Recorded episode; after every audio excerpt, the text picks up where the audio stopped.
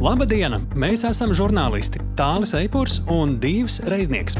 Mūs no sirds interesē, kas notiek Ukrajinā, kā notiekošais tur ietekmē notikumus šeit, kā mēs šeit varam būt noderīgi cilvēkiem tur. Lai labāk izprastu notiekošo, mēs dzenamies pakaļ personīgiem stāstiem, kas iemieso šo eksistenciālo cīņu. Mēs skaidrojam, ko globāla ziņu virsraksts nozīmē šeit, pie mums. Jo Ukraina cīnās ne tikai par savu brīvību. Ukraina šobrīd ir arī mūsu drošinātājs. Esiet sveicināti podkāstā drošinātājs 17. epizodē. Šis ieraksts top tieši 25. janvārī, kas ir Ukraiņas prezidenta Valdimira Zelenska dzimšanas diena. Un uh, šajā dzimšanas dienā viņš ir saņēmis arī lielas dāvanas. Esiet sveicināti nedēļā, kad Vācija palaidusi brīvībā leopardus. Nē, nē, mēs, protams, neesam mainījuši šī raidieraksta tematiku, nerunāsim par zvēriņiem. Šoreiz runāsim par tankiem Par tankiem runāsim arī ar Kristīnu Bērziņu. Tāpat plašāk skaidrosim, kādēļ tik daudz runāts tieši par Vācijā ražotiem Leopardu tankiem. Jo ir taču citi tanki pasaulē. Jā, jā, jā. Bet uh, vēl mēs gribam pateikt paldies arī klausītājiem, kuri mums raksta. Piemēram, eh, Elīna mums uh, pavisam nesen atrakstīja vēstulīti, kurā viņa teica, ka Viņu interesētu, kā šajos kara apstākļos Ukrainā uh, klājas psihologiem. Mums šāda ideja arī bija ar tālu, vai ne? Nu jā, un mēs uh, reāli telepātiski ar mūsu klausītājiem, šajā gadījumā ar Elīnu, tajā pašā laikā arī jau bijām diskutējuši un pat ievadījuši jau sarunas cilvēkiem, kas mums varētu palīdzēt, lai aprunātos ar psihologu, kas strādā ar karavīriem Ukrainā. Tieši tāpēc šonadēļ jau šonadēļ būs uh, saruna ar psihologu Ukrajinā. Mēs uh, runāsim ar Tatjanu Ljubīmovu. Psiholoģijas doktori, psihoanalītiķi, gan par to, ko viņai stāsta, vai lūdzu karavīri, kuri zvana burtiski no pirmajām frontes līnijām, par to, kā ar karu un vēl īpaši ar tā ieilgšanu tiek galā Ukraiņas cilvēki, cilvēki, ar kuriem viņa sarunājas, un, protams, arī personisks stāsts kas uh, faktiski liks uh, visiem klausītājiem dziļi pakalnīties mūsu šīs epizodes intervējumās priekšā, bet to dzirdēsiet arī plašāk sarunā. Jā, šī saruna, tad, kā ierasts drošinātāja otrajā daļā, bet sāksim mēs pieslēdzoties Vācijas Maršala fonda ziemeļu novirzienu vadītājai un drošības politikas pētniecei Kristīnai Bērziņai Vašingtonā. Ar viņu apspriedīsim to, es teiktu, cirku, ko kopš pagājušās nedēļas izspēlēja Vācija. Sākumā sakot, ka nesūtīs Leopardu divu tankus uz uz Ukrajinu. Tad teica, ka sūtīs, bet tikai tad, ja amerikāņi sūtīs savus Ābrāmsus. Un galu galā esam nonākuši pie tā, ka nu jau oficiāli Berlīna paziņojas, ka vismaz 14 leopardus uz Ukrajinu sūtīs pati un neliks šķēršļus tos sūtīt arī citām valstīm. Par šiem dīvainajiem Berlīnas izgājieniem un ko tie būs nodarījuši Vācijas kā uzticamu sabiedrotā tēlam, tad arī sāksim mūsu sarunu ar Kristīnu. Sveiki, Kristīna! Sveiki, Kristīna! Sveiki, sveiki! tu vari mums ieviest kaut kādu skaidrību par aizkulisēm. Kas mums no šī visa ir jāsaprot? Bija asi vārdi. Bilsti starp kanclera padomniekiem un ASV aizsardzības ministra palīgiem. Un bija vairākas dienas bijušas tādas, ka bija sajūta, ka Vācija tiek uzskatīta par mazāk uzticamu sabiedroto un partneri te Vašingtonā. Tāda vilšanās un nepacietība ar kārtējo Vācijas laika tērēšanu un e, nenolemtību bet tagad kaut kas atkal sāk kustēties. Un izskatās, ka no ASV puses būs Abrams tanki, lai gan ir iemesli, piemēram, dēļ degvielas. Uh, Abrams tanki izmanto uh, aviācijas degvielu, ka varbūt nav visizdevīgākais tanks, ko sūtīt uz Ukrajinu, ka leopardi būtu labāki, bet gan Le Abramsus, gan leopardus, gan Vācijas leopardus, gan Polijas, Dānijas, Spānijas leopardus, ka varētu būt būt tagad tas tanku vilnis, par kuru mēs bijām runājuši. Bet eh, šīs nesaskaņas, tām, protams, arī ir cena. Tas, ka Vācija negribēja piekāpties vai rādīt priekšzīmi pārējām Eiropas valstīm, normāli sarunāt kaut ko, kas ir loģisks ar Ameriku. Tas liecina par to, ka attiecībās starp Eiropu un ASV nav viss arī perfekti, kad nepārtraukti ir šīs rīvēšanās. Un pie tā vainīga daudzkārt ir tieši Vācija. Vai Vācija saprot to, ka tai prestižs gan Eiropā, gan ASV krītās? Ka tomēr, ja tu neesi uzticams partneris, tam ir cena. Vai tad Vācija nezaudē iespēju būt tiešām vadošā valsts Eiropā, jo man liekas, ka drošības jautājumos nu, tas, jau, tas jau sen ir pagājis. Šis karš ir parādījis to, ka Vācija nav gatava operatīvi vadīt Eiropas drošības jautājumus.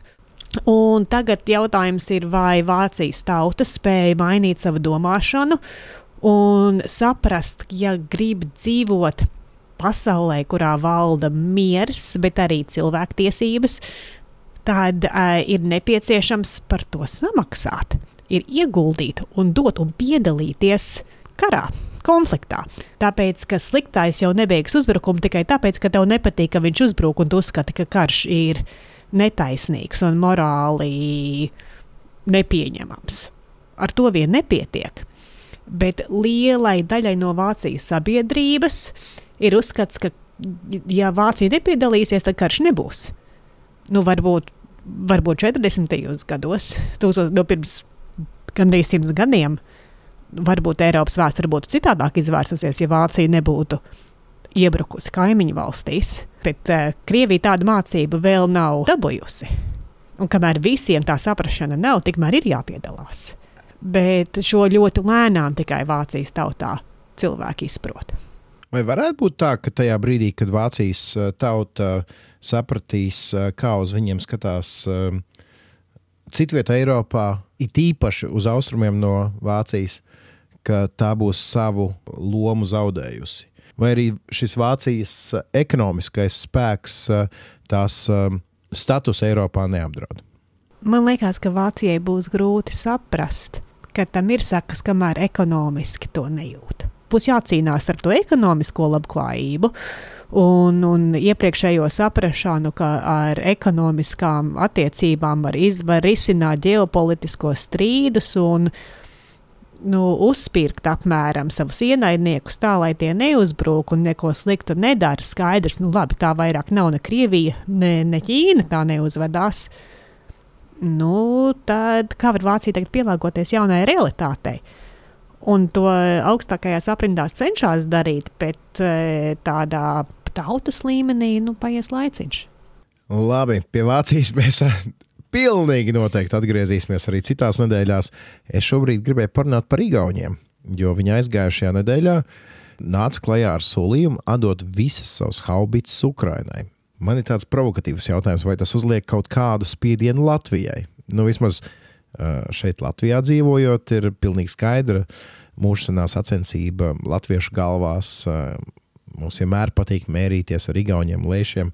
Kā tas ir, ja mēs skatāmies uz tādas starptautiskās skatuves? Nav jāskatās tikai uz starptautiskās skatuves. Pirmkārt, ir ārkārtīgi svarīgi tas, ka Baltijas valstis visas un, un Austrumēropas valstis ir ārkārtīgi daudz devušas un atbalstījušas Ukraiņai. Tas ir burvīgi un tā arī ir jāturpina. Bet nav jāpaskatās uz kaimiņu valstu un jāsaka, ka viņi darīja tieši tā, un tāpēc mums tieši to pašu ir jādara. Šajā gadījumā varbūt tas ir tas, ko Vācija grib darīt attiecībā uz ASV, bet arī, kā jau mēs esam runājuši par ātrabiem un, un leopardiem, tas varbūt nav gudri. Katrai valstī ir savas spējas un savas vajadzības. Latvijas valdībai ir atbildība nodrošināt Latvijas aizsardzību, drošību. Un tāpēc Latvijai pašai ir jānosaka, ko tā var dot un ko nevar dot konkrētajā minūtē. Igaunijai varbūt ir cits lēmums, tāpēc ka Igaunija ir cita valsts ar citu situāciju. Pirmā vietā jāpasargā Latviju. Un jānodrošina Latvijas drošība, jo jau mācība no Ukrainas ir tā, ka pirmā vietā pašiem ir jārūpējas par sevi. Nevajag tā skatīties, viņi deva trīs, un tāpēc mums jādod trīs no kaut kā. Ja, tad ir, ir jāatbalsta, cik vien var. Vai mēs nodarbojamies ar pašiedvesmu, domājot, ka, piemēram, uz šī Vācijas eh, neizlēmīgā fona Baltijas valstis, Polija, Ziemeļvalstis, arī citas valstis uz globālās skatuves tiks uztverts kaut kā citādāk nekā līdz eh, šim Krievijas iebrukumam Ukrajinā? tiek uzskatītas citādāk. Pavisam noteikti Ziemeļvalstis, Baltijas valstis, Polija tiek uztvērtas īpaši citādāk. Teikšu, īpaši saprāšana par Poliju ir ārkārtīgi mainījusies, jo līdz karam bija ļoti milzīgas bažas par Polijas valdības. E, sarežģīto pieeju dažādām uh, cilvēktiesību, juridisko tiesību, preses brīvību un uh, citu ar, ar tiesībām saistītiem jautājumiem. Nu, problēmām un, un tieši ļoti, ļoti notiesāja uh, Poliju, bet tagad Polija ir pirmā vietā uh, visādos jautājumos attiecībā uz Ukrajinu, un tāpēc par Poliju ir pavisam cits priekšstats šobrīd. Bet tagad, protams, Baltija tiek ļoti slavēta. Un tur nav, nav noteicošas haubicas vai nehaubicas. Tur ir visa pieeja un tieši visa sabiedrības pieeja atbalstīt Ukrainu. Tas tiek ārkārtīgi novērtēts, un ar to ceļās, ceļās Baltijas profils starptautiskajā skatuvē. Un tas ir ļoti, ļoti labi. Labi, Ziemeļvalsts būs trešā mūsu šīs reizes tēma. Konkrētāk, Zviedrijas un Somijas centieni iestāties NATO. Kuriem šobrīd uh, kāju priekšā liek Turcija, kas jau ir NATO dalība valsts, un eh, tātad ir jābūt Turcijas akceptam, lai Zviedrija un Somija oficiāli kļūtu par NATO sastāvdaļu. Kādi ir pēdējie jaunumi un uh, kas ir svarīgākais šajā ziņā? Pēdējā laikā Zviedrija ir apvainojusi Turciju. Vismaz Turcijā tāds priekšstats. Zviedrija pieļāva protestu kurā Dānijas tālās labējās partijas politiķi sadedzināja Kurānu islāma reliģijai svarīgāko tekstu pie Turcijas vēstniecības Zviedrijā. Tagad ir iesaldētas sarunas starp Ziemeļvalstīm un Turciju attiecībā uz iestāšanos NATO. Par to pavisam nelaimīga arī ir Somija, tāpēc ka Somija ir eh, dviņu māsa Zviedrijai šajā jautājumā, bet Somija tādu šmucu sev nav savārījusi. Tad jautājums ir izskanējis pat no Somijas prezidenta, vai varbūt Somijai nevajadzētu vienai pašai iestāties bez Zviedrijas, bet ātri atkal teica, nē, nē, nē mēs iesim kopā. Un tad tur tur paliek sarežģītāk, tāpēc ka protesti pret Turciju uh, tagad uh, paliek izplatīti Zviedrijā. Bet Zviedrijai ir nepieciešams Turcijas atbalsts, lai iestātos NATO. Un e, uz ātru atrisinājumu laikam nedabūsim šajā, šajā situācijā. Un izskatās, ka paliek arvien sliktāk. Un tad, kad Somijai tiešām būs jādomā, vai tā negribētu kaut kā pati, tāpēc ka garā robeža ir nevis Zviedrijai, bet Somijai.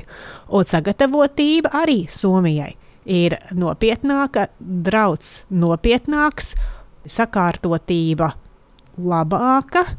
Un tālūk arī ir sarežģītāka situācija nekā bija iepriekš tāda arī ir Krievijas spēle. Jo ilgāks karš, jo mazāk varbūt spējīgi būs rietumi kopā smuki sadzīvot. Un, tāpēc arī ir svarīgi ātrāk palīdzēt Ukrainai uzvarēt, lai varētu atkal normālāk turpināt dzīvi Eiropā. Un pašā noslēgumā ekspresa jautājums no manas puses. Kā tu definētu, kas šajā visā Krievijas-Ukrainas karā ir Turcija? Turcija ir liela valsts šajā visā spēlē. Un bieži vien Eiropā par Turciju nedomā kā par lielu valsti. Bet uh, Turcijas strateģiskā loma ir tik liela, ka ar to ir jārēķinās tāpat kā ar uh, Vāciju, vai Franciju, vai Lielbritāniju.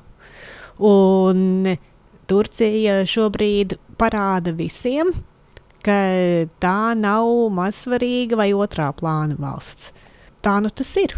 Un to izrāda varbūt nesmuki. Un ekonomiskajos jautājumos, piemēram, protams, Turcija ir ne tikai dilstoša, bet brūkoša valsts. Bet strateģiskajos jautājumos, aizsardzības drošības jautājumos, tā tomēr ir liela valsts. Un tāpēc Turcija ir gudra un visiem nepieciešama, bet ārkārtīgi sarežģīta liela valsts. Arī par Turciju es esmu pilnīgi pārliecināts. Mēs vēl runāsim nākamajās nedēļās, bet šobrīd es teikšu liels paldies Kristīnai Bērzņiem Vašingtonā. Un tiekamies pēc nedēļas. Tiekamies pēc nedēļas. Paldies! Paldies!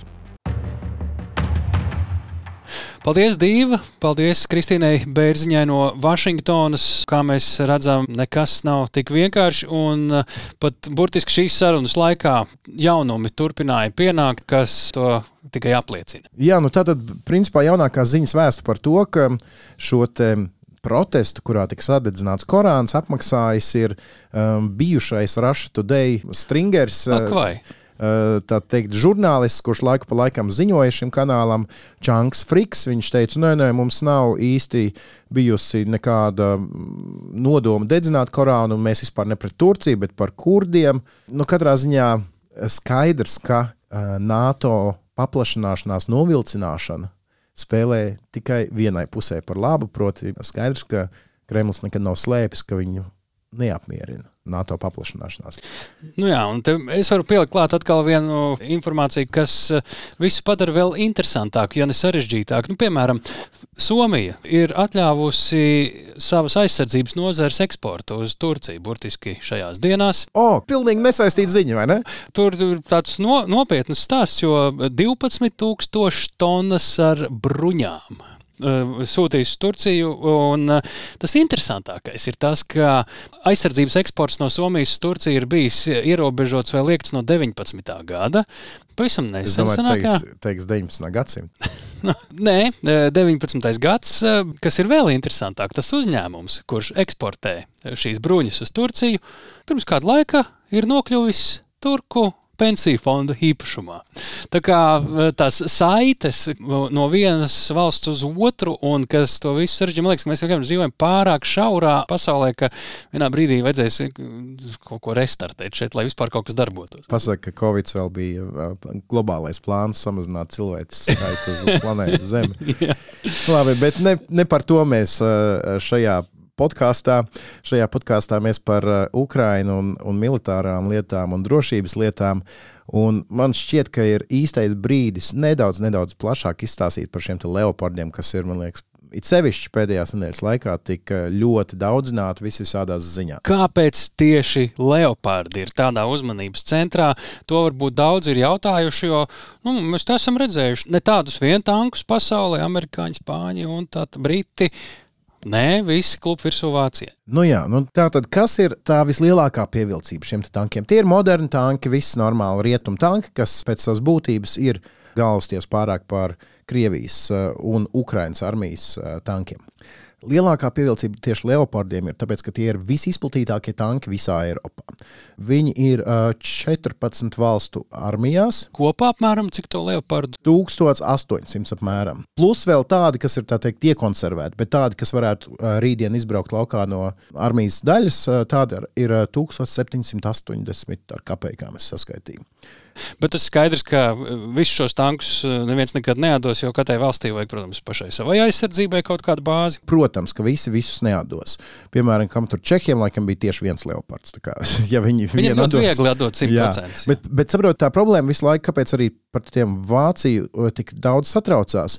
Piemēram, ja es kā Vācija esmu tev kā Norvēģijai pārdevis 36 leopardu tankus, Tātad Norvēģijai reāli ir 36 tanki. Viņi ir teikuši, 8 mēs esam gatavi dot Ukrainai. Pēc šīs militārās pasaules tikumiem un likumiem tu nedrīksti dot Ukrainai, ja es kā Vācija, ražotāja valsts, es kā Vācijas kanclers neesmu pateicis, labi, Zergūt. Jo citādāk pavisam vienkārši var sanākt tā, ka laiki mainās, un tu esi uzražojis un pārdevis ieročus kādam, kas tos var izmantot arī pret tavām interesēm. Tieši tā, un tāpēc te nav bijusi runa visu šo laiku tikai par to, vai Vācija iedos. Šobrīd mēs runājam par 14 leopardiem, vai neiedos. Te tas svarīgākais aspekts ir tas, ka, ja Vācija dos, tad skaidrs, ka viņi ļaus arī pārējiem. Un tad jau mēs runājam nevis tikai par 14 Vācijas leopardiem, kas tiktu doti Ukrainai, bet mēs šobrīd mēs runājam jau par vairāk kā simts. Ukrāņi paši teica, varētu būt, ka viņi saskaitījuši kādus simtus tankus, ko viņi varētu saņemt pirmajā vilnī. Citi avoti runā par 110. Bet tas katrā gadījumā ļauj plānot vai tos pašus 100 vai 110 vai drusku vēlāk arī vairāk. Nē, nu skaties, um, Zalužņīs, tas, kurš ir uh, Ukraiņas armijas uh, galvenais militārais Un cilvēks, tikko noziedoja miljonu. Jā, ne, ne leopardu naudu, kur viņš to saņēmis mantojumu no Amerikas. Nu, ļoti interesants stāsts, bet ne par to šobrīd. Tātad Zalužņīs pirms kāda laika teica, ka uh, viņi, lai veiksmīgi varētu veikt uzbrukuma manevrus, viņam vajadzētu 300 tankus. Tā kā simts nav tas, ko Ukraina ir prasījusi, bet simts ir krietni, krietni, krietni vairāk nekā nulle kas viņiem ir bijušas līdz šim. Te ir ļoti svarīgi pieminēt arī uh, Britus, kuri ir iedevuši savus tankus Challenger. Viņi bija kā pirmie, kuriem nebija jāgaida uz Vāciju, nebija jāgaida ne uz vienu, viņi, tie ir viņu ražot tanki. Bet tur ar Britiem kaut kas bija tāds, kāpēc tas ir vairāk simboliski Jā. nekā reāli palīdzība. Jā, un te mēs arī nonāksim līdz amerikāņu Abramsiem. Jā. Kāpēc? Um, tāpēc, ka uh, 14 Challengeri tas ir brīnišķīgi bet tanki kara apstākļos mēdz lūst. Tas nav tā kā tu nopērci mašīnu un brauc. Tev ir uzreiz papildus teikt, svīta apkalpojošā vajadzīga. Un 14 eh, Challenger tanki. Viņi arī ir vissmagākie no visiem. Tur var būt problēmas eh, šādas tādas. Dublīši, tā? Eh, dublīši, tiltiņi un tam līdzīgi. Bet, kā eksperts saka, šis britu solis bija tiešām tas, kurš varbūt um, bija šis pirmais domino kauliņš, uh, Uh, kurš parādīja, ka, ok, vācieši jūs negribat būt tā tāds spiediens, spiediens jau jā, drus, drusciņ. Jā, un tas ir arī līdzīgi kā ar Igauniem, vai ne, kuri pasaka, kādos viss haubits, no ko vācieši, vācieši nevar iedot dažs tanks. Nu, principā, jā, spiediens no dažādām pusēm. Un nevar, protams, noliekt, ka Vācija ir devusi daudz ko šajā laikā, šī gandrīz gada laikā, ir daudz devusi. Nav tā, ka viņi neko nedod, bet vienmēr tas nāk caur tādām zobu sāpēm, kas izraisa daudz, daudz jautājumus. Bet, ja mēs atgriežamies tieši pie leopardiem, tad ko mēs varam pieminēt? Tie brauc ar ātrumu 68 km/h. Vienā piegājienā var nobraukt 500 km. Nē, tik daudz degvielu kā daudz citu tanku. Jā, bet nu, galvenais jau atkal jau mēs atgriežamies pie tā, ka viņu ir daudz Eiropā, un tas nozīmē divas lietas. Viens ir, tu vari krietni ātrāk apmācīt lielāku skaitu komandas, tankistu. Tu neesi atkarīgs no vienas valsts. Un otrs ir šīs iespējas apkalpot tankus. Ja tanks, tuvumā. Tieši tā, jā, netālu no Ukraiņas robežām, tanki lūst, tankiem vajadzīgs ne, apkopes. Viņiem ir iespēja aizsūtīt šos tankus uz, uz šīm apkopēm. Vai rezerves daļas uz Ukrajinu. Jā. Un te ir tā liela atšķirība starp leopardiem un amerikāņu abramsiem. Vai arī faktiski jebkuriem citiem tankiem. Jā, bet uh, mēs šajā gadījumā runāsim par Abramsiem, jo tāpēc, no vienas puses uh, Vācijai izdevās šī nosacītā šantāža, kad viņi teica pirms nedēļas, jā, mēs sūtīsim tankus, ja jūs, amerikāņi, arī sūtīsiet savus tankus. Amerikāņu Abrams patiesībā nu, ir savā ziņā supertanki, tur viena no jaudīgākajiem, krietni nopietnākas, smagākas bruņas, viņi smagāki paši par sevi, bet tur ir uzreiz sava specifika. Piemēram, tiem ir reaktīvais dzinējs un paklausāmies varbūt tagad, eh, kā tas izklausās.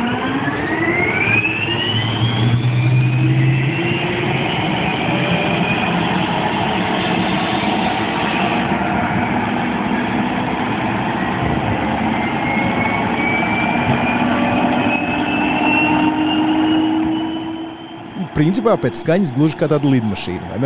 Tā arī ir, kā arī Kristīna pieminēja, eh, tiek izmantota avio degviela, kas rada atkal jau loģistikas problēmas, ka tev vajag citādāk degvielu nekā pārējiem tankiem. Un daudz lielākos daudzumos, kā tiem pašiem leopardiem. Tieši tā, un savukārt eh, tas karstums ir tik nežēlīgi liels, ko rada šī degviela. Ka tu kā kainieks nevari aiz šādu tanku iet. Šie Abrams arī, ja viņi nav izplatīti Eiropā vispār, eh, poļiem viņi ir nopirkti, bet uh, apkalpojošā infrastruktūra tiek tikai pabeigta. Tā kā nav līdz galam šī Abrams polijā izmantojama. Nu, jā, un visa šī informācija, kā jau militārā informācija, ir uh, saraustīta un dažkārt pretrunīga, jo neviens negrib līdz galam runāt uh, atklātu valodu, un tas arī nav vajadzīgs vienmēr. Runā, ka šie Abrams vispār Ukrainā varētu nonākt pēc gada. Savukārt Leopardi, principā, tie ir nu, cik nedēļu jautājumu. Es tā saprotu. Vismaz no dažām nu, pāris mēnešiem tur ir jābūt, protams. Jā, nu, jo ir arī tie, tie paši ukrāņi vēl jāapmāca. To mēs arī redz, nezinām. Cik daudz poļi ir apmācījuši, piemēram, uh, ukrāņus uh, ar saviem leopardu tankiem? Tu, mēs vispār ļoti daudz ko, es domāju, joprojām nezinām un uzzināsim krietni pēc laika, jo man liekas, ka daļa no visas, tā skaitā arī Vācijas retorikas un it kā neveiklajiem izteikumiem varētu būt, es pieņemu, ka daļa varētu būt vienkārši miglas pušana Krievijas acīs. Absolūti, un es domāju, it sevišķi arī, arī ņemot vērā šos solījumus un, un solījumu atsaukšanu un tā tālāk, ka šis ir tas gadījums, kad mēs ticēsim, tad, kad mēs redzēsim kaujas mašīnas, kaujas laukā. Un iespējams redzēsim jau kaut kādos pārsteiguma brīžos, jo nu, diez vai būtu prātīgi pateikt Krieviem, jā, mums tagad ir tanki, vedam pāri robežai, noliksim tur un šausim no turienes un pa turieni. Nu, tā nebūs vēl tikai pēdējā detaļa, kas man šķiet ļoti interesanta, ka Ukraina Vācijai Leopardus uh, pirmo reizi prasīja pagājušā gada 3. martā. Tad pagāja 329 dienas. Uz pirmo pieprasījumu vācieši pateica, abi ar nicht, nicht, bet mēs jums varam iedot 5000 ķiveres. Lūk, mēs gandrīz gadu laikā esam nonākuši no 5000 ķiveriem līdz um, desmitiem leopardu. Tā kā turēsim īkšķus, jo kamēr rietumi lemj tikmēr karavīri krīt. Un šīs dienas uh, ierakstā dienā ir kritusi arī solidāra. Bet tas, ko es gribēju teikt, ka valstī turpinās galīgs trakums, bet tad es klausījos interviju, ko tūlīt dzirdēsiet arī jūs. Nu, jā, tas tev iedod tādu realitātes bliezienu pa galvu, atkal saprast, atgādināt, kas tur tiešām Ukrainā notiek. Es šādi lēnām piesaku interviju, kuru dzirdēsiet jūs, un tās nedaudz pasāstīs vairāk. Tagad. Ja tā ir saruna ar psiholoģiju, psiholoģijas doktori, psihoanalītiķi Tatjanu Ljubīmovu. Un, jāsaka tā, mēs viņu, protams, pirms tam paši nepazinām. Atradām cilvēku, kurš strādā ar karavīriem Ukrainā. Un intervijas laikā man sarunājoties ar Tatjanu, ik pa laikam, es nezinu, kā pieklājīgāk pateikt, atkārās žoklis, acis ieplitās, es noelsos. Kā viens cilvēks var tik mierīgi stāstīt tās lietas, kuras patiesībā ir nenormāli smagas un traģiskas, un es tajā visā sarunā jūtu tādu, ka viņa šajā cīņā psiholoģiski ir uzvarējusi. Vienkārši dara savu darāmo. Un stāsta mums to, ko mēs dzirdēsim. Tāli, tāpēc viņa ir psihologs, un tu neesi psihologs. Jā. Nu, ko, nu, klausīsimies profesionāļus, kuri gan atzīst, ka arī profesionāļi ir cilvēki. Bet uh, pirms tam es gribēju tik eh, atgādināt, ka, kā vienmēr, jūs eh, šīs intervijas, kuras mēs veicam ne latviešu valodā, varat dzirdēt divos variantos. Vai nu tulkots latviešu, vai arī dzirdēt oriģinālu valodā.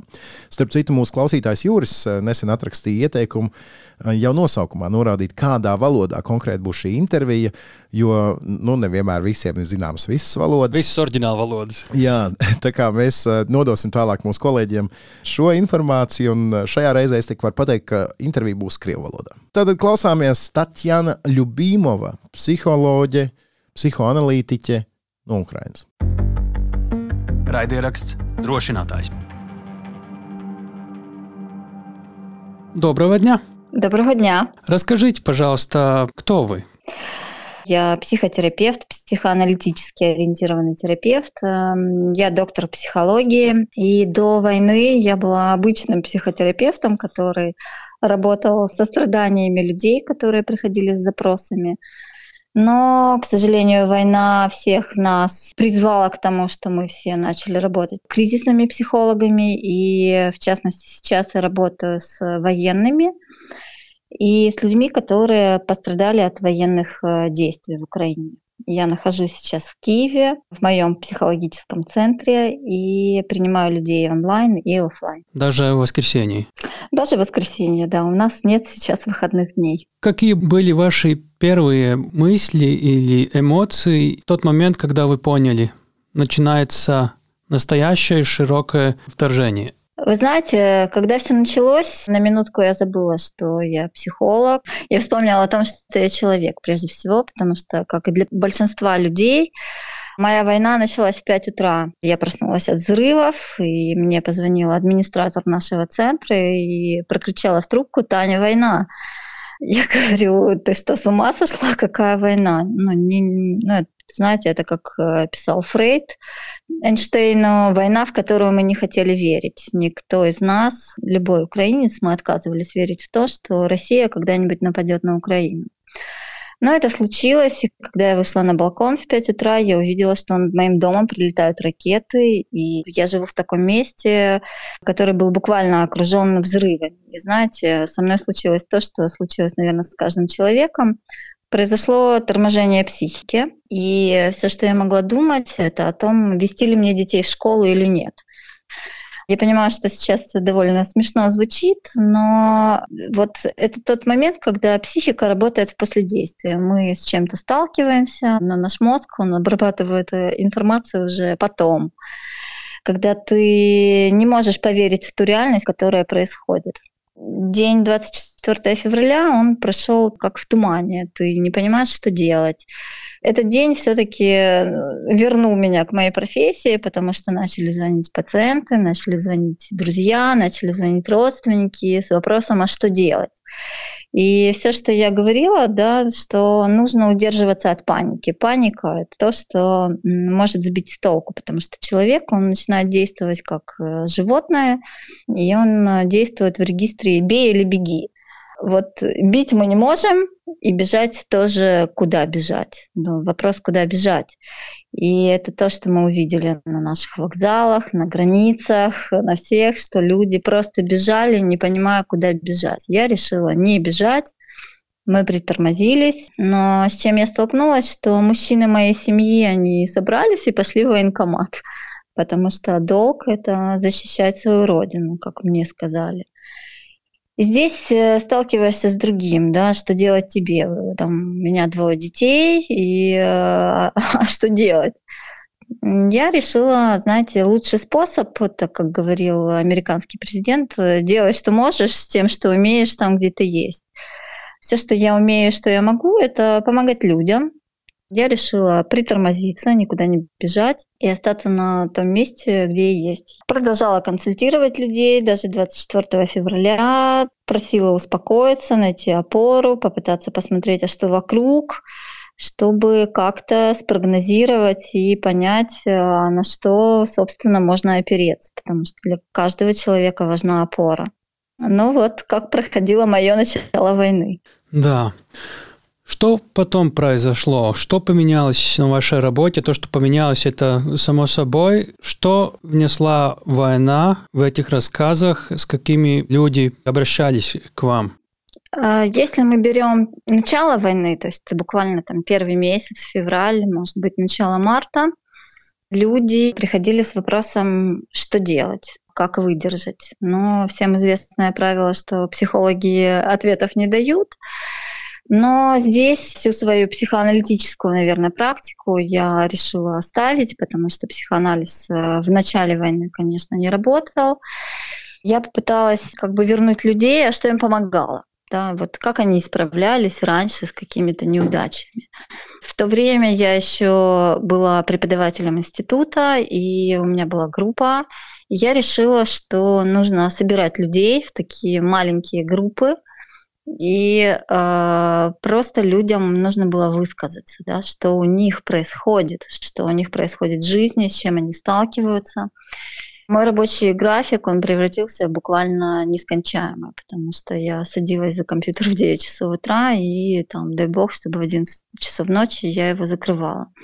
При этом мой дом находился в таком месте, что вокруг были взрывы, прилетали ракеты, выключался свет, интернет, слава богу, работал. Наверное, это был мой способ связать мою тревогу, потому что каждый психолог, он прежде всего человек, Общаясь с людьми, мы друг другу давали понимание, что мы с этим справимся, мы как-то пройдем через все это. Каждый рассказывал, как он с этим справляется. И таким способом люди изобретали для себя, что они могут делать, что нужно продолжать обычную рутину.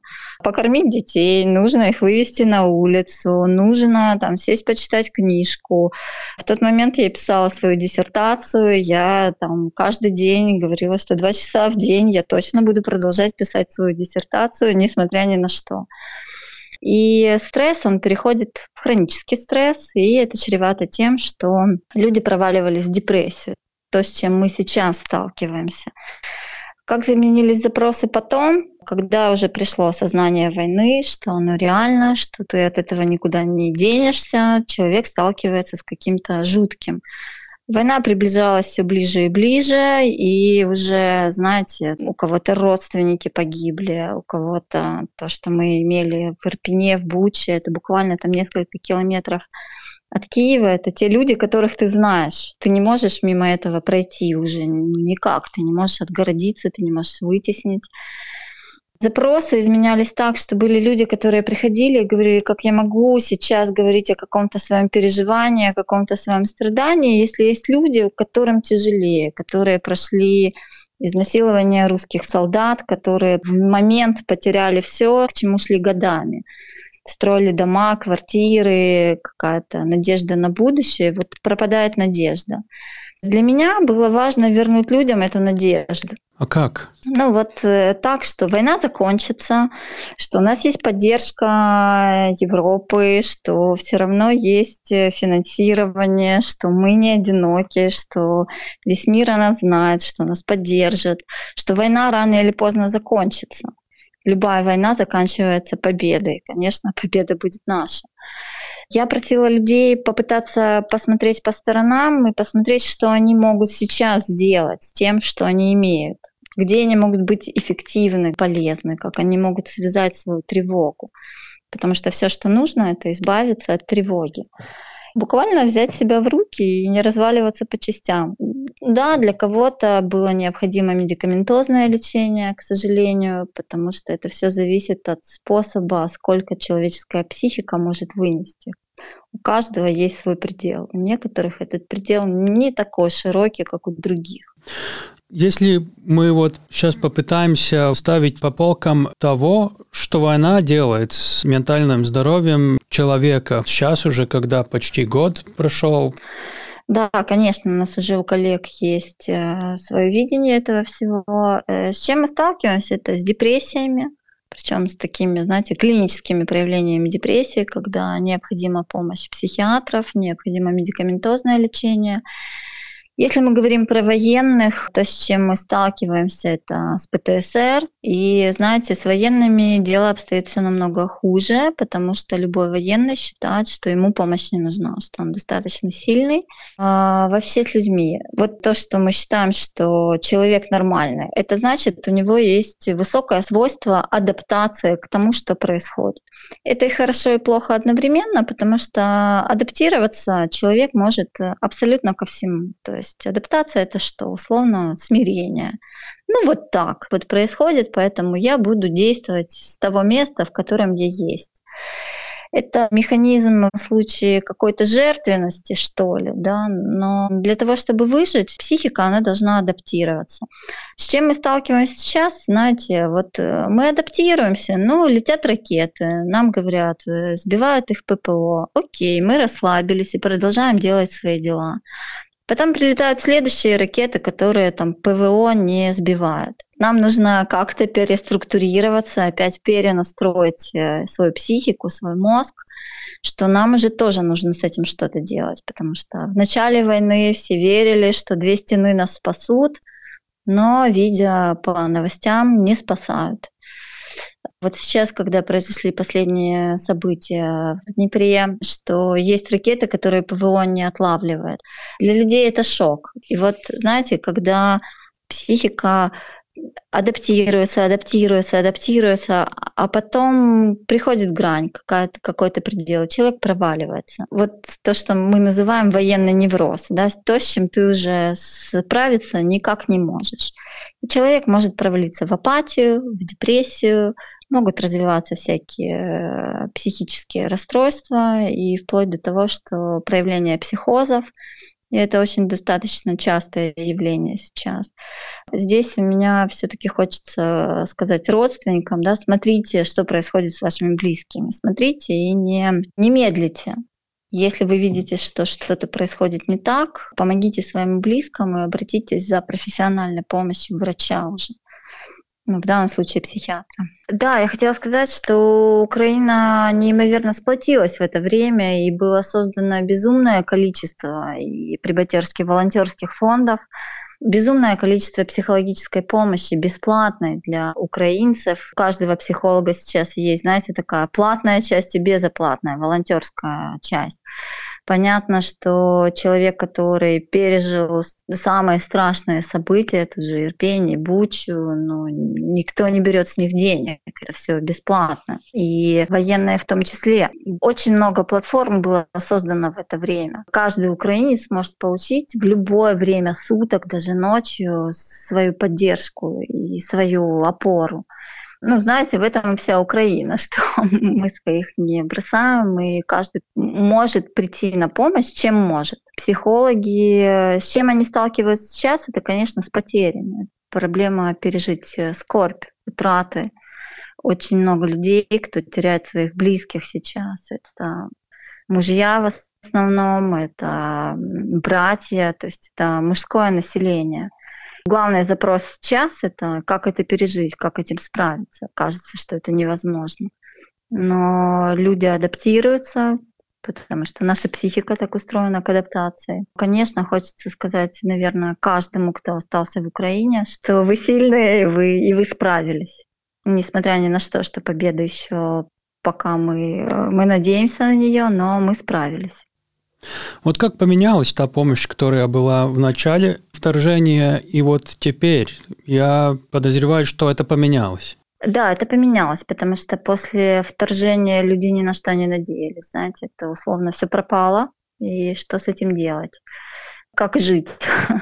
А сейчас люди строят планы на будущее. Между тем, все-таки общечеловеческие запросы никуда не пропали любовь, как найти свою любовь в этой жизни. В то же время люди стыдятся, наверное, где-то, что они поняли, что они кого-то не любят. Как уйти, сейчас война, и не будет ли это слишком травматично.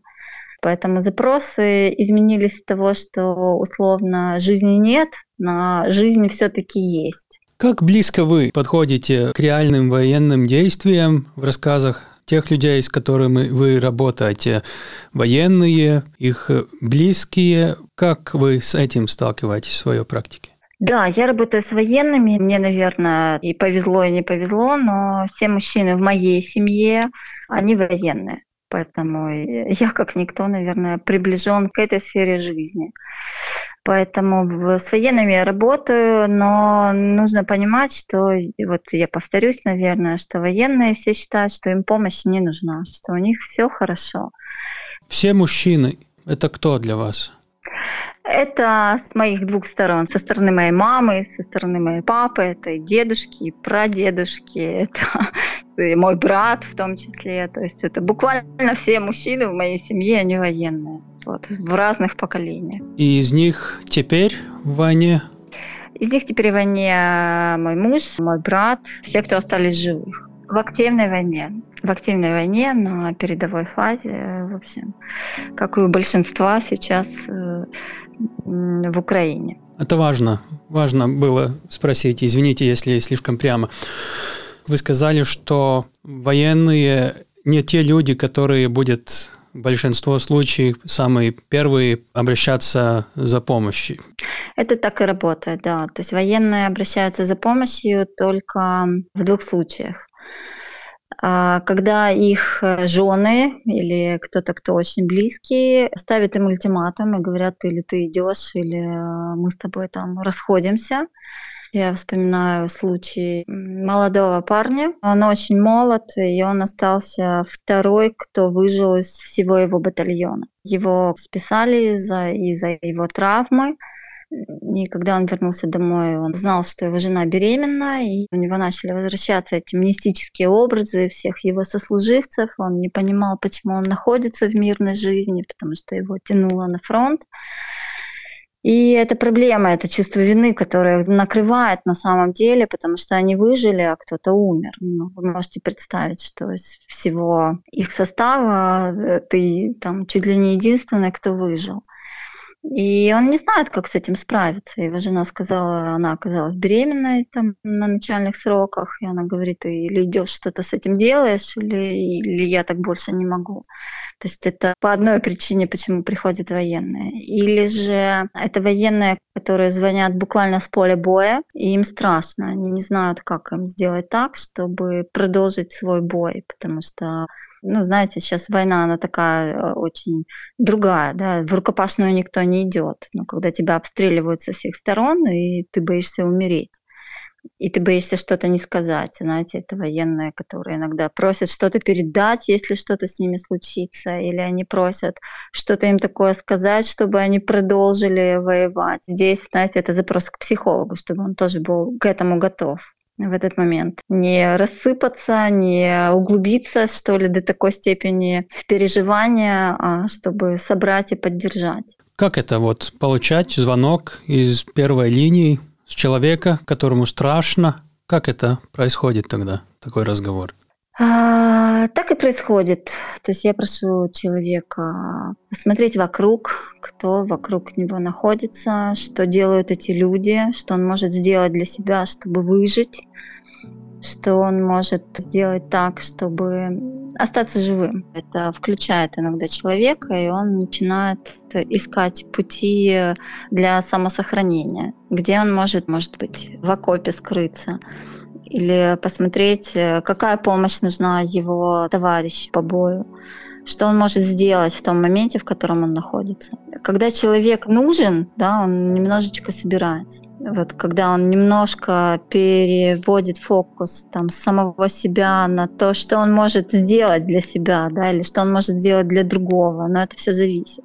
Он собирается и возвращается в себя и в свою реальность, в которой он находится. Это место, откуда вот такой человек звонит, это место, где надо убивать людей или ожидать, что что-то полетит на тебя. Это же вы не вдохновляете убивать людей или как? Ну вот я даже не знаю, чего спрашивать, но меня не покидает эти мысли вот насчет этого, да. Да, я понимаю, о чем вы спрашиваете, но знаете, что такое война? Человечество на протяжении своего всего эволюционного вида, оно воюет. И воюет за что? За территории, за женщин и за провизию. Чтобы воевать, что должен сделать воин? Нам культура что говорит? Что ты не можешь убивать другого человека не можешь причинять ему боль и страдания. Культура накладывает на нас какие-то ограничения или запреты. У каждой культуры, у каждого государства есть правила. Если правила не соблюдаешь, то ты садишься в тюрьму, ты будешь наказан. Для того, чтобы воевать, все эти правила нужно забыть. Нужно переступить через эту грань, через эту цензуру. То есть происходит таких взлом вытесненных влечений. Поэтому каждый воин, он в каком-то смысле, он становится бескультурным, он становится вне цивилизации. И он получает это разрешение на убийство на самом деле, на агрессию. Потому что если ты не будешь убивать, то убьют тебя. Здесь что еще важно, что ты не можешь убивать в одиночку. Ты один в поле не воин. У тебя есть команда, и ты о своей команде заботишься, о своем батальоне, взводе и в том месте, где ты находишься.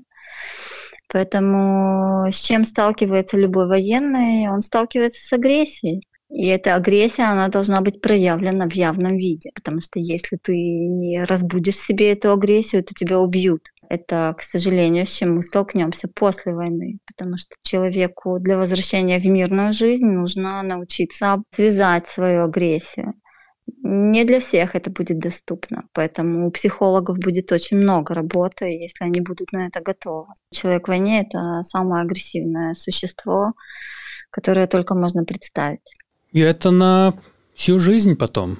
К сожалению, да. И насколько эту агрессию можно будет контролировать, это будет зависеть от э, интеллектуального уровня каждого человека. То есть каждый отдельный человек, он должен будет уже осознанно, а не бессознательно контролировать, где он и зачем он, собственно. Если человек не будет контролировать свою агрессию, то объект для ненависти, он всегда будет найден. И такими объектами это становятся собственные семьи. Вот и почему основной запрос на терапию военных, он приходит всегда из семьи. Люди близкие, они с этим не справляются. И они буквально насильно впихивают таких людей в терапию, чтобы военный с этим что-то сделал. Если мы остаемся к близости к фронту, там не только звонки от человека, которые там сидят э, под обстрелом в первых линиях, там, наверное, очень много и других всяких вопросов, которые возникают. Да, отдельные запросы – это те, кто были ранены и лежат в госпитале. Это чувство вины, которое их накрывает, что как будто бы они виноваты в том, что они ранены, или как будто бы они виноваты в том, что они выжили. И у многих, как я могу здесь лежать, если мои товарищи, они там. Да, я хочу туда. У человека тревога что он вроде как э, сейчас в таких плюс-минус комфортных обстоятельствах, были запросы, что, например, был их взвод или батальон расформирован, и кто-то остался, а кто-то ушел на передовую. Что мне сделать, чтобы поехать туда? Да? Я не хочу быть здесь, я не хочу там, перебирать бумажки, я хочу поехать туда.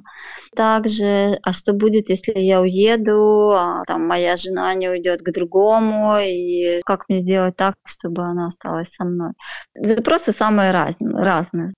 Наверное, есть люди, которые не хотят воевать, но им приходится. Да, знаете, здесь нужно, конечно, делать э, градацию. Есть военные профессиональные или кадровые офицеры, которые сами делают свой выбор и сами идут на фронт, но есть у нас и мобилизация, и ты обязан отдать свой долг э, родине. Есть люди, которые абсолютно к этому не готовы.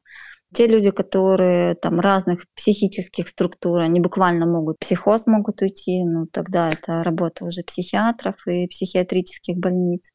Есть люди, которые боятся, и тогда это, знаете, работа их командиров, чтобы этих людей не ставить в, ну, прям в активные боевые действия, когда приходится убивать других. То есть есть люди, которые не готовы перейти эту грань, и отказаться от своего человеческого и оставаться культурным человеком и сохранять свой запрет на не убивать других. Вы что тогда делаете? Вы помогаете им чем? Знаете, ну здесь важно любому психологу все-таки сохранять свою этику психологическую. Психологическая этика, она говорит, что мы идем вслед за субъектом, то есть вслед за человеком. У нас нет такой задачи педагогической, что ли, воспитать или перевоспитать. Это работа капелланов, работа командиров частей. А, мы делаем только то, чего хочет человек. Если человек говорит, что я не хочу воевать, я не хочу убивать, мы здесь задаем вопрос, а что вы можете с этим сделать? Вы можете это как-то донести до своего командира, вы можете выбрать ту сферу, где вы можете показать себя наилучшим образом. Э, иногда люди боятся заявить о своем желании, знаете, иногда они боятся показаться, ну что ли, трусами. Здесь важно дать человеку представление или осознание самого себя, что вот вы такой, какой вы есть. Ну, не надо из себя делать героя, не надо из себя делать какого-то тем, кем вы не являетесь. Когда это все на потоке, и когда человек приходит в военкомат и приходит не по добровольному желанию, то это очень тяжело сделать эту градацию.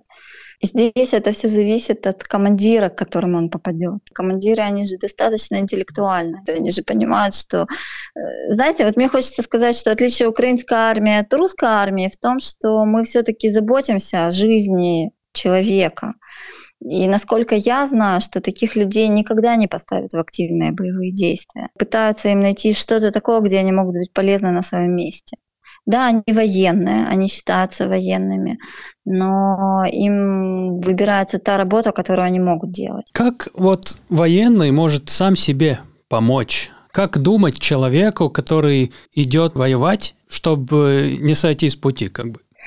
Знаете, тут мне хочется вернуться к опыту Второй мировой войны. Я провела очень много исследований, и более эффективный человек тот, у которого есть э, позитивные представления или позитивные опоры в этой жизни. Эти люди, они могут вспоминать что-то хорошее, да, им очень важно знать, что дома их кто-то ждет. Это любимая женщина, или это мама, или это сестра, или это брат, ну неважно кто, это кто-то родной таким людям проще, э, знаете, из коллективного сделать индивидуальное что-то. Они идут в бой, и они представляют, что они воюют ради кого-то, ради кого-то конкретного, потому что все это никто. Они все равно воюют за кого-то и воюют за своих близких. Есть и другая категория, которым нечего терять, и это люди, знаете, они бесстрашные им не страшно умереть. Но все-таки хочется, чтобы в войне все равно оставалась эта надежда на жизнь что есть ради чего вернуться и продолжить свою жизнь. А для этого человеку в войне, человеку в боевых действиях очень важно иметь эти позитивные пристежки, якоря, за которые они могут зацепиться, из-за чего они будут всегда выбирать жизнь, а не смерть. Важно знать, что для любого военного, который побывал в зоне боевых действий, для него очень важно его близкие.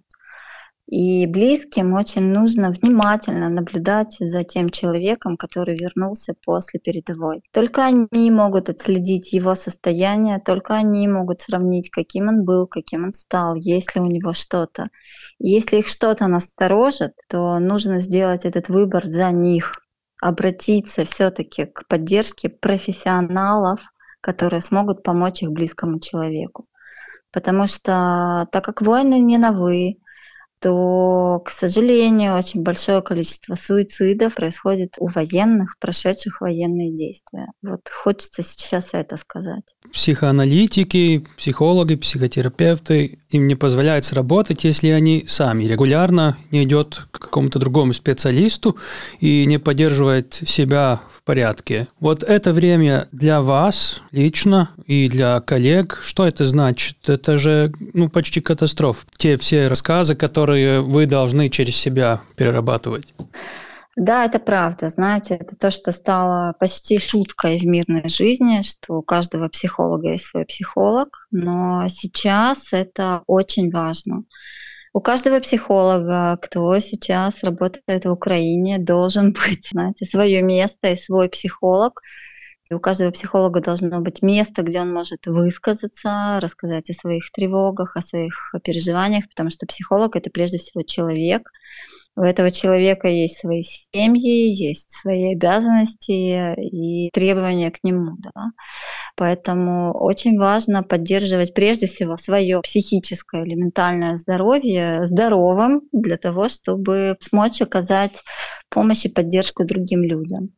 Сейчас очень много разных объединений профессиональных, где происходят эти все обсуждения. И у меня лично есть мой психоаналитик, конечно, к которому я хожу очень регулярно, который иногда мне указывает, на что мне следует обратить внимание при всем том. Чем вы сами сталкиваетесь? Э, что вас э, тревожит как профессионала и как человека вот такое время, когда вы сами должны работать с очень многими проблематичными случаями?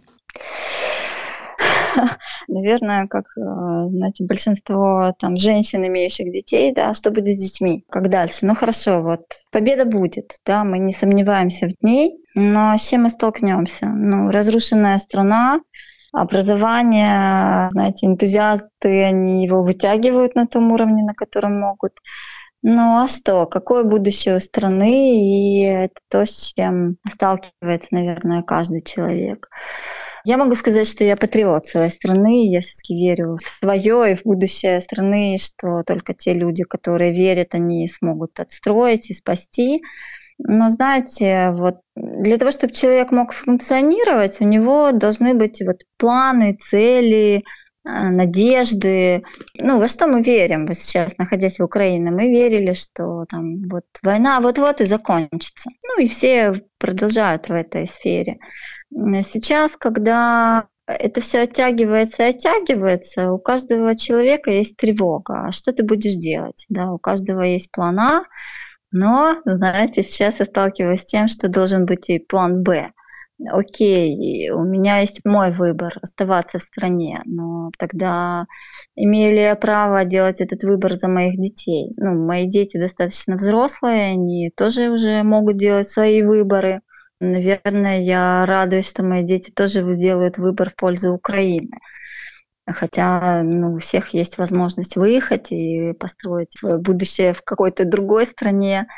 Поэтому то, с чем я сталкиваюсь, чтобы как-то не повлиять своим выбором на выбор моих детей. Мой, так, знаете, как говорят, big pain – это будущее моих детей. Вот. И еще такой вот вопрос, может быть, совсем другой. Но то, что мы в Латвии видим, мы видим, конечно, эти лица войны. Многие слушают там Арестовичев, там э, речи Зеленского и все министры, которые видны. Это лицо Украины для наших там зрителей и читателей и слушателей. Ну вот э, только что мы видели Зеленского в похоронах и не первых. Вот какая нагрузка э, ответственности всякого другого на таких людей? Они же своими решениями решают жизни людей и многих людей. Знаете, если мы говорим про Зеленского, то это человек, который достоин моего восхищения на самом деле, потому что, ну вот вы поймите профиль этого человека, у него все было. То есть он достаточно был известным медийной личностью, которого там достаточно денег, э, ну, всего достаточно. Бери и пользуйся, радуйся жизнью. Но, тем не менее, на самом деле ж, э, глаза — это зеркало души, они никогда не врут. Зеленскому сейчас непросто, тем более, что он понимает, что если он допустит ошибку, это цена жизни и жизни многих людей. Поэтому у него сейчас очень непростое время. Как поменяется ментальное здоровье? Я думаю, что у Зеленского, надеюсь, что у него тоже есть кто-то, кто как-то его перерабатывает, контейнирует и поддерживает. Прежде всего, это Елена Зеленская, его жена, которая остается с ним и все время поддерживает его. Во-вторых, это то, насколько он сильная личность, что он не сдается. Что будет после? Ну, после, я думаю, что он очень устанет, то есть может случиться провал. Он может на какой-то период, э, конечно, уйти с радаров и пытаться с этим справиться. Но я верю в то, что он психологически сильный человек, или, как у нас говорят, невротик, он не уйдет в психоз, все, все будет с ним хорошо. Ему нужно будет просто время на восстановление. Но эти все люди понимают, что их решение – это цена жизни других людей. И вот мы здесь, в Латвии. Что вот есть то, чем мы можем ментально помочь украинским вот беженцам, которые вот тут в Латвии, когда мы их именно вот встречаем, не так вот чего думать о них? Я не знаю, кому хуже, людям, которые уехали или которые остались, потому что люди, которые остались, они видят э, ситуацию э, в реальности. Люди, которые уехали, они все равно, читая новости, они видят эту ситуацию на каком-то своем воображаемом уровне. Человеческая фантазия, она очень уникальна, она может очень все гиперболизировать или дорисовывать те детали, которых нет. Поэтому люди, которые уехали, им сложнее даже переживать войну, чем те, которые остались. Насколько бы парадоксально это не звучало, потому что когда ты не чувствуешь что-то, когда ты действительно не в событии, ты не так это все осознаешь или переживаешь, как тот человек, который находится далеко от этого.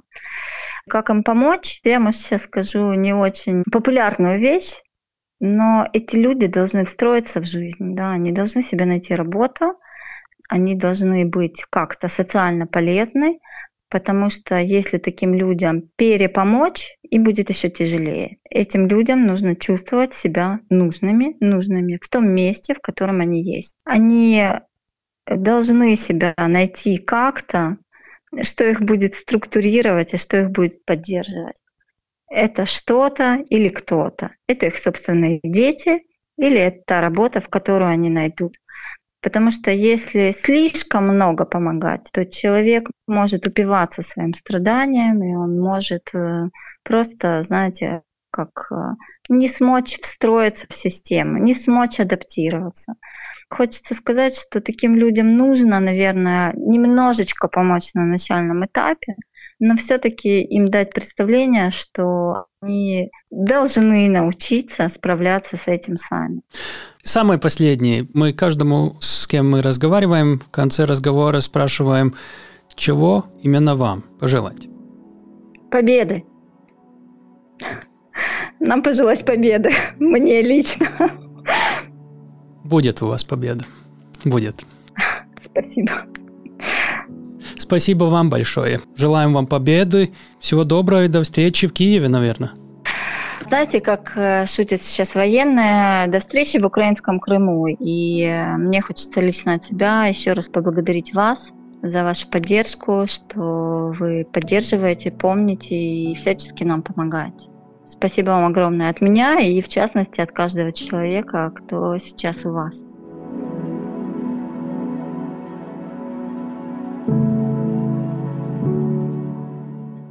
Wow! Paldies, Tāli! Eh, tas bija Tāls Eipurs un Tatjana Ljubīmova. Man vienkārši viens pēc otra tāda galvā sprādziena par to, ko es dzirdēju. Dažas lietas, par ko tu tiešām negribi domāt, un dažas lietas, kur tev vienkārši atklāsme nāk. Es negribu nevienam tagad likt galvā kaut kādus secinājumus, bet tas, kas man šķita ļoti interesanti, kā cilvēkam, kurš nav bijis karā, ka tiešām tu visu dzīvi esi mācīts nenogalināt, nenodarīt pāri un tam līdzīgi. Un tad nonāca situācijā, kad, ja tu nē, tad tevi nu, tur, jā, nu, tur jāpielāgojas tajā situācijai. Tā. Uh, ja jums šī intervija šķita interesanta, padalieties ar saviem draugiem, nosūtiet linku. Ja jūs, ja jūs rakstat Twitterī kaut ko ierakstiet, starp citu, lietojiet uh, hashtag drošinātājs un nospiediet to podziņu sekot. Tā ir ļoti svarīga podziņa, lai jūs šādus cilvēkus kā Tatjana dzirdētu arī pēc tam, kad mēs atrodam nākamos mūsu runātājus. Jā, un ja jums ir idejas, kādus cilvēkus mums noteikti vajadzētu, vai kādas profesijas pārstāvjus mums noteikti vajadzētu nointervēt, tad uh, rakstiet mums drošinātājs at Latvijas Rādio LV. Rakstiet, mēs uh, priecājamies par uh, atgriezenisko saikni. Un, ja jūs labāk uztverat uh, lasām tekstu, vai, vai jūsu radinieki vai draugi rada paziņas, tad iesakiet LSMLV. Arī vienmēr šīs intervijas uh, lasāmā formātā. Bet, Dietu, man pēc uh, šīs sarunas ar Tatjanu noklausīšanās atsūtīja kādu video, kas man saslēdzās momentā ar agresijas stāstu, ko Tatjana pieminēja, bet tas, protams, ir arī iedvesmošanās stāsts. Nu, jā, nu te vienkārši redzēju vienu video, no Bahmutas, kur Ukrāņu karavīri pirms gaidāmajām jaunajām nākamajām cīņām ir sastājušies aplī. Apļu vidū ir komandieris, kurš sauc nezinu, uzmundrinošus saukļus. Vai, vai patriotiskus saukļus, un karavīri atbild viņam. Te man uzreiz savukārt sasaukšanās ir piemēram jaunzēlandiešu haku. Šo deju, ko mēs kā Latvijā visbiežāk esam redzējuši, kā sportisti izpilda pirms dažādām sacensībām. Un tas ir šovs. Visi zina, o, oh, rekurss šovs, bet patiesībā tā ir kara deja, kara eh, saukļi, kas savu laiku izmanto dzīvē. Lai iebiedētu pretinieku un lai iedvesmotu pašu sevi. Tieši tā, lai šī grupa savāktos un mēs tagad būsim viens spēks. Iespējams, pēc simts gadiem kaut kāda šāda saukļa, kādus mēs līdz dzirdēsim, arī būs šovs. Bet tagad tas nav šovs. Tagad tā, diemžēl, ir reālā dzīve. Paldies, ka bijāt ar mums. Tiekamies pēc nedēļas. Šis bija podkāsts drošinātājs. Un klausāmies Ukraiņu karavīros. Ukraina!